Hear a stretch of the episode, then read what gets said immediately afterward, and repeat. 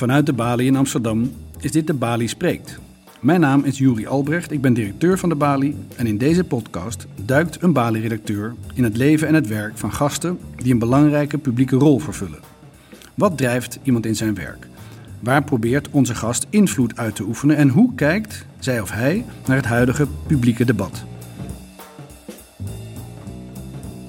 Vandaag praat Annemarijn Epker met literatuurwetenschapper en historicus Joep Leersen. Hij publiceerde een encyclopedie waarin de cultuurgeschiedenis van het nationalisme in Europa wordt blootgelegd. Een gesprek over de oorsprong van het nationalisme in Europa, over de vraag of een wetenschapper mag waarschuwen voor gevaarlijke maatschappelijke ontwikkelingen en de les dat niets internationaler is dan het nationalisme zelf. We gaan luisteren naar redacteur Annemarijn Epker in gesprek met professor Joep Leersen. Ja, Joep. Um, je bent professor Europese studies, specifiek moderne Europese letteren, en bracht een encyclopedie uit over romantisch nationalisme in Europa. Trouw kopte eind augustus niets internationaler dan nationalisme. Dat klinkt voor mij als een paradox. Ja, dat, uh, dat, dat, lijkt inderdaad paradoxaal. Uh, het nationalisme, daarvan denk je dat is het bevechten van uh, de onafhankelijkheid en van de positie van je eigen land. Um, en, en je hebt niet zo'n boodschap aan andere landen. Maar als je het historisch bekijkt, dan zie je dat uh, elke nationale beweging geboren wordt uit de confrontatie tussen het eigen land en buitenlanden. Dus uh, nou ja, de Waalse beweging komt op gang als antwoord op de Vlaamse beweging, die op zijn beurt weer op gang kwam tegen het Belgische nationalisme, dat op zijn beurt weer op gang kwam tegen de Nederlandse uh, staat van, van 1830. Dus het is een soort ja, flipperkogeltje in een flipperkast. En bovendien zie je dat al die mensen die uh, de, de, denkbeelden van het nationalisme ontwikkelen, dat die met elkaar in contact staan. Dat uh, Walter Scott en Johan Gottfried Herder en Jacob Grimm overal in Europa werden gelezen. Het viel mij nu nog op trouwens, uh, om daar iets aan toe te voegen, na de Brexit, dat een van de eerste commentaren van Nigel Farage was, en nu Frankrijk. Ik dacht, ja, waarom, waarom wil hij dat nou? Hij, is, hij kan blij zijn dat hij uh, Engeland Europa uitneemt.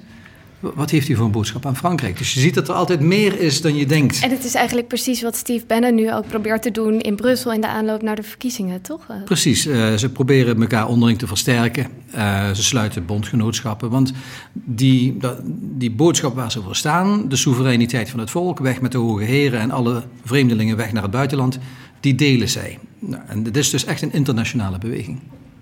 Um, in de encyclopedie die hier voor ons ligt, uh, twee delen van, uh, nou, zoals ik al zei, meer dan 4 kilo in totaal, waarin je meer dan 60.000 uh, cultuuruitingen hebt verzameld samen met 350 wetenschappers uit heel Europa. Indrukwekkend. Um, ik zag dit een beetje als een soort protestactie tegen de meest populaire manier om je uit te spreken tegenwoordig in 60 tekens of 150 tekens uh, via Twitter.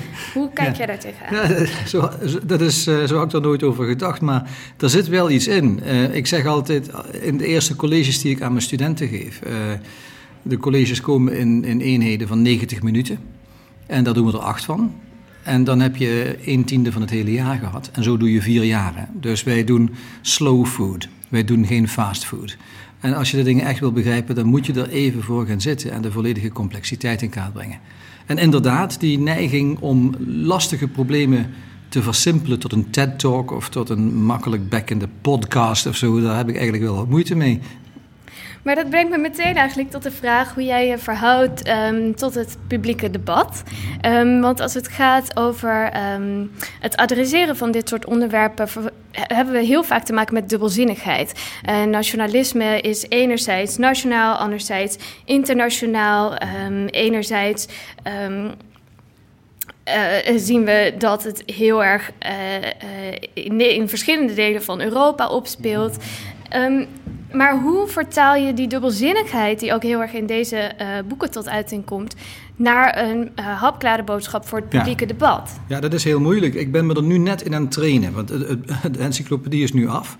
En uh, de encyclopedie gaat voornamelijk over de 19e eeuw, met een uitloop naar de jaren 1930. En veel van de materialen waar je over werkt, die zijn eigenlijk een beetje ja, aandoenlijke kitsch. En het lijkt zo onschuldig, maar het gaat natuurlijk om een heel gevaarlijke ideologie die ook nu weer de kop opsteekt. Dus ik, ik denk, ik ben het nu aan mijn verantwoording verschuldigd om er iets aan te doen. En om, eh, maar nu moet ik dus van mijn. Je merkt, ik geef erg omslachtige antwoorden. Nu moet ik snel door de bocht iets formuleren. Daar ben ik niet zo goed in. Ik heb dan altijd de neiging om te zeggen: lees mijn brochure, Hufter. maar de Hufter heeft daar geen boodschap aan.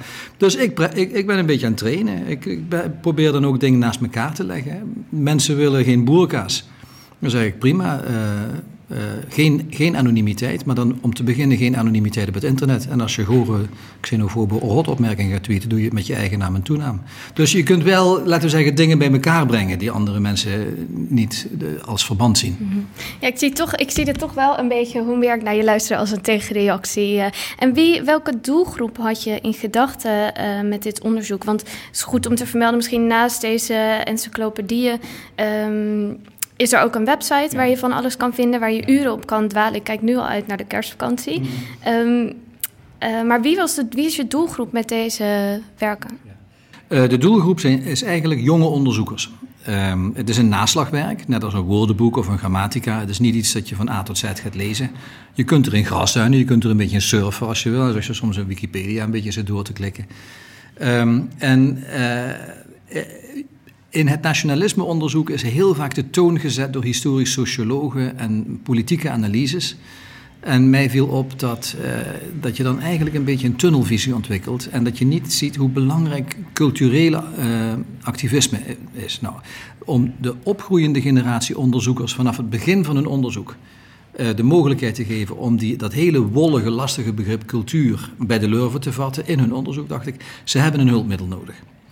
Dat is die encyclopedie. Die is veel te duur om door een privépersoon gekocht te worden. Maar hij wordt wel door universiteitsbibliotheken gekocht. En bovendien komt de inhoud gratis op het internet.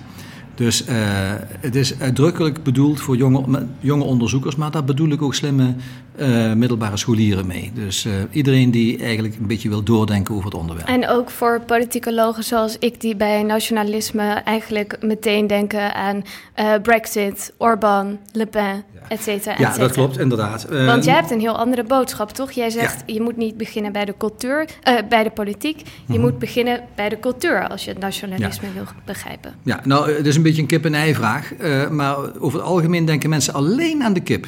En ik zeg, nou, eieren zijn ook best belangrijk als je wil weten hoe die vogels zich voortplanten. um, en inderdaad, nou, nu hoor jij nog voor iemand van mijn leeftijd bij de generatie jonge onderzoekers. Maar, en de, ja, mijn echte collega's die ergens in de, in, de, in de 50 of in de 60 zijn, die zijn waarschijnlijk niet meer te bekeren. Maar inderdaad, um, zij beschouwen cultuur als een vrije tijdsbesteding. Als je klaar bent met een dagje politiek bedrijven, ga je naar het ballet, of je gaat een boek lezen, of je luistert naar een, strijkkwartet.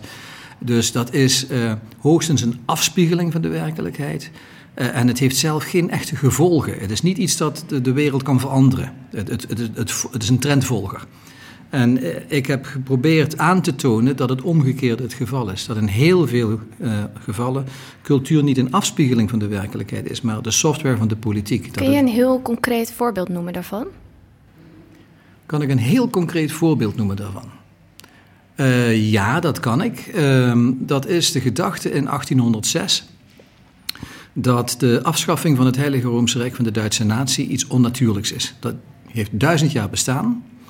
En uh, dan krijg je allemaal culturele mensen, zoals Jacob Grimm, de man van de sprookjes, en Fichte, de filosoof van het ik.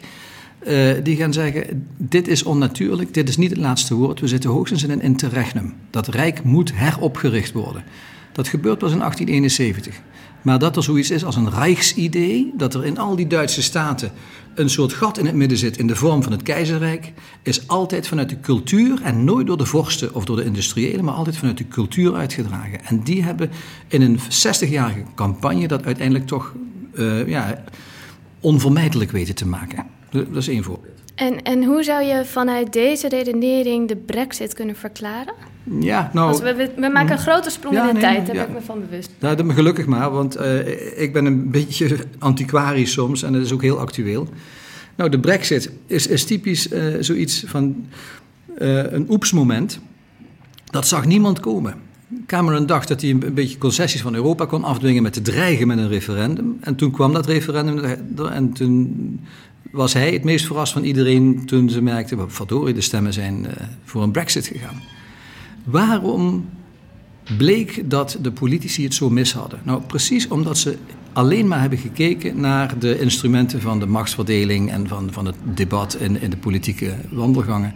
En niet naar een enorme cultus van banaal nationalisme, zoals de voortdurende herhalingen van Dad's Army, daar komen de schutters, uh, Downton Abbey. Iedereen zegt van, ja, wat, wat voor een jurk heeft Lady Mary nu weer aan? Maar in feite ging het voortdurend over een beeld waarin Engeland met zijn harmonie tussen de adel en het volk en zijn eeuwige mooie groene weiden enzovoort. Engeland is zo goed op zichzelf, het heeft niemand anders nodig. Buitenlanders zijn alleen maar lastig. Dus een, een enorme kleffe, eh, introspectieve cultus van de Englishness zat heel diep in de cultuur. En je merkt dat heel veel mensen vanuit die culturele onderbuik uh, gestemd hebben. Gewoon, wij, uh, wij zijn de mensen van Dad's Army, van Duinkerken, van Churchill, van uh, de landhuizen en de landgoederen en Jane Austen. En daar hoort geen Europa bij. En wat ik heel interessant vind is dat um, dit boek richt zich helemaal op de 19e eeuw. Een klein stukje van de 20e eeuw las ik. Um, maar ik heb het idee dat we jouw verhaal juist ook nu nodig hebben. Dat, dat we nu moeten luisteren naar wat jij te zeggen hebt over het opkomend nationalisme in Europa, uh, waar we continu in de kranten over lezen, maar wat altijd vanuit een politiek aspect uh, benaderd wordt. Ja. Ja, dan, dan, blij dat je het zegt, want ik, ik voel dat zelf ook zo. Um... Maar waarom heb je gekozen om een boek te schrijven over de 19e eeuw en dat... niet een manifest over nationalisme in Europa nu? Uh, dat manifest gaat er nog wel komen. Ik, uh, ik heb, daar ben ik dus nu ook mee bezig. Maar het ging mij er eerst om om eigenlijk zeg maar, het genoom van het nationalisme te begrijpen. En duidelijk te maken dat hoe je het nationalisme ook definieert, het is een heel vaag begrip, maar hoe je het ook definieert, het cultiveren van je eigen cultuur, van een nationaal zelfbeeld, van een nationaal karakter, van een nationale eigenheid, is centraal in elke definitie van het nationalisme. En dat is begonnen in 1800. Voordien is het er nauwelijks. Je hebt wel mensen die de tirannie willen verdrijven of die het land onafhankelijk willen maken. Maar dat nationalisme van dit is ons karakter en dit is onze taal en dit is onze cultuur, dat is echt 19e eeuw. Dus ik dacht, ik moet eerst kijken waar het vandaan komt. En dan kan ik nu zien dat inderdaad het populisme gewoon een nieuwe mutatie is van het oude nationalisme. Dus ik denk dat ik, met permissie, het een nieuwe en betere kijk op het populisme kan ontwikkelen. Dan mensen die alleen kijken naar ja, de arbeiders die door de intellectuelen in de steek zijn gelaten en immigratie. En die dingen die wel waar zijn, maar niet in kaart brengen wat het repertoire is van Zwarte Piet en andere aanvechtingen. En in Rotterdam spreken we Nederlands en al die kreten, waar dat repertoire vandaan komt. Lijkt me inderdaad heel belangrijk. Kunnen we alvast een tipje, oplicht, een tipje van de sluier oplichten van dat manifest over populisme in Europa nu? Wat zouden jouw belangrijke boodschappen zijn uh, die je daarin naar voren wil laten komen? Um, ik zou om te beginnen laten zien dat op enkele onderdelen het populisme gewoon een keiharde voortzetting is van uh, het nationalisme. En daar hoort ook bij het nationalisme in zijn meest bruine, onsmakelijke uitingen van de jaren 1930 en 1940. Um, als je kijkt naar de invloed van uh, wat dan de conservatieve revolutie wordt genoemd, dat waren eigenlijk Zwitserse nazi's die in de jaren 50 hun nazi-verleden probeerden goed te praten door dat een conservatieve revolutie te noemen. Uh, het gedachtegoed van Le Pen, het gedachtegoed van Grèce, dus de, uh, de Nouvelle Droite, het nieuw rechts in Frankrijk, de Génération Identitaire in Italië. Ik kan de intellectuele stamboom van deze mensen uittekenen. En ik kan je zeggen, daar zitten allemaal fascisten in de achtergrond. Vroeg of laat kom je hele, hele onsmakelijke figuren tegen. Dat is één. Ten tweede, er zijn een aantal dingen die nog altijd hetzelfde zijn als in het oude harde nationalisme. Een anti-elitaire instelling. Je hebt geen boodschap aan mensen die hebben doorgeleerd. Intellectuelen zijn volksvergeten cosmopolieten en weten niet wat Henk en Ingrid willen. Dus anti-elitair, gecombineerd met xenofoob een soort wisselstroom die 50 keer per seconde kan switchen tussen weg met de Marokkanen en de, de rechters zijn D66 elitaire uh, ambtenaars. Dat, ook dat is nationalistisch. Het vertrouwen op charismatische leiders. Van Berlusconi tot Erdogan tot Trump. De gedachte dat uh, de leider zijn positie niet te danken heeft aan de, ja, een institutionele achtergrond of zo, maar omdat hij goed kan tweeten en door het volk gewoon ja, cool wordt gevonden. Dat soort dingen, daar denk ik dat ik nou ja, beter in kaart kan brengen hoe dat populisme in elkaar zit. En um, ik denk dat dus ook, ook, dat ik beter kan waarschuwen tegen de onwenselijke effecten daarvan. Ja, want ik las inderdaad dat jij... Uh, in het begin twijfelde ik een beetje van... wat is jouw positie ten opzichte van het nationalisme? Mhm. Ik kreeg heel erg het idee dat het heel beschrijvend was... en heel analyserend en heel erg kijken naar de geschiedenis. Uh, maar toen las ik het volgende. Een milde vorm van nationalisme is een milde vorm van tuberculose. Ja, ja klopt. Uh, daar heb ik, ben ik even uit de slof geschoten, ja. Um, je moet als wetenschapper niet vanuit je politieke oordeel schrijven. Je moet beschrijvend werken. Je gaat eerst beschrijven en dan analyseren. En um, ik, ik, ik, neem het als een compliment dat mensen dit 19e eeuwse boek zouden kunnen lezen als uh, van een auteur die eigenlijk niet ons antipathiek staat tegenover al die nationale bewegingen. En mensen als Mazzini of de Ierse vrijheidsheld O'Connell, dat zijn ook mensen waar je bewondering moet voor, eh, hebben. Dat zijn de Martin Luther Kings en de Nelson Mandela's van hun tijd. Um, maar tegelijkertijd moet je wel beseffen dat de ideologische stroming waarvan zij de grondslagen hebben gelegd, zich in, na hun dood in een heel, heel foute richting heeft ontwikkeld. Ik heb geprobeerd dat zo min mogelijk mijn beschrijving te laten kleuren. Maar ik heb dit boek niet geschreven omdat ik nationalisme leuk vind, maar omdat ik het heel gevaarlijk vind. En eigenlijk als een pathologie. Ja, ik vind dat een heel interessant vraagstuk. Hoe verhoud je je als wetenschapper tot, um, tot de realiteit, tot het publieke debat? Dus op welke manieren probeer je je uit te spreken? Op welke manieren probeer je te waarschuwen voor uh, de tendensen die je ziet in de samenleving? En ik ben benieuwd hoe jij jouw rol daar ziet. Ja, um, ik ben geen straatvechter. Ik word soms kwaad en dan schrijf ik een ingezonde stuk en soms doe ik een debatje of zo, maar ik word er eigenlijk heel treurig van. En uh, ik denk dat uh, journalisten uh, veel beter dan ik zaken kort en puntig kunnen zeggen, dus dat laat ik aan hun over. Um, maar ik denk toch spreek je zo nu en dan uit. Ja, want af en, maar dan doe, ik dat, ja, dan doe ik dat omdat het me te veel wordt. Dan loopt de gal mij over. Of ik word gevraagd om een commentaar of zo. Maar, uh, maar dat is niet mijn kracht. Ik denk dat uh, columnisten in de krant en, en, en echte commentatoren veel beter getraind zijn om het goed over te brengen. Maar ik vind het toch interessant, want je hebt al een paar keer benoemd van ik zie het wel als mijn verantwoordelijkheid om te waarschuwen. Ja, maar dus ik ga dus niet de straat op. Ik probeer te werken met mensen die een educatieve functie hebben. Dus ik probeer het wat getrapt te doen. Uh, ik, als ik bijvoorbeeld kan bewerkstelligen dat in een museum bepaalde tentoonstellingen bepaalde zaken meenemen en niet veronachtzamen. Of ik kan met wetenschappelijke bureaus van politieke partijen praten. Of ik kan met een sociaal-cultureel planbureau praten en zeggen: dit en dat en dat moet je niet veronachtzamen. Ik kan ze niet voorschrijven wat ze moeten zeggen, maar ik kan er wel voor, voor zorgen dat bepaalde zaken niet uit het oog verloren raken. Dus ik, ik ben educatief. Als academicus ben ik ook beter geschikt om uit te leggen hoe moeilijk het is. Ik kan het niet makkelijk maken, want het is gewoon moeilijk. Maar dat moet ik dus doen op plekken dat ik daar de tijd voor heb. Met mensen die bereid zijn om te luisteren. En niet in de wereld draaien door of in de snelle, in snelle dingen. Ja, heel goed. Tot slot wilde ik uh, je vragen. Op tussen 23 en 26 mei 2019 uh, hebben we de Europese verkiezingen. Ja. Waarbij uh, het risico groot is dat het parlement na die tijd uh, voornamelijk bevolkt wordt door EU-sceptici en nationalisten. Mm -hmm. Hoe zie jij jouw rol de komende maanden om daar nog iets aan te doen? Kunnen we er nog iets aan doen of is het een onvermijdelijke? Nou ja, um, je voelt je soms een beetje alsof je op de Titanic staat en je zegt: Pas op, er komt een ijsberg. Ja, je kunt niet het roer zelf in handen nemen, natuurlijk.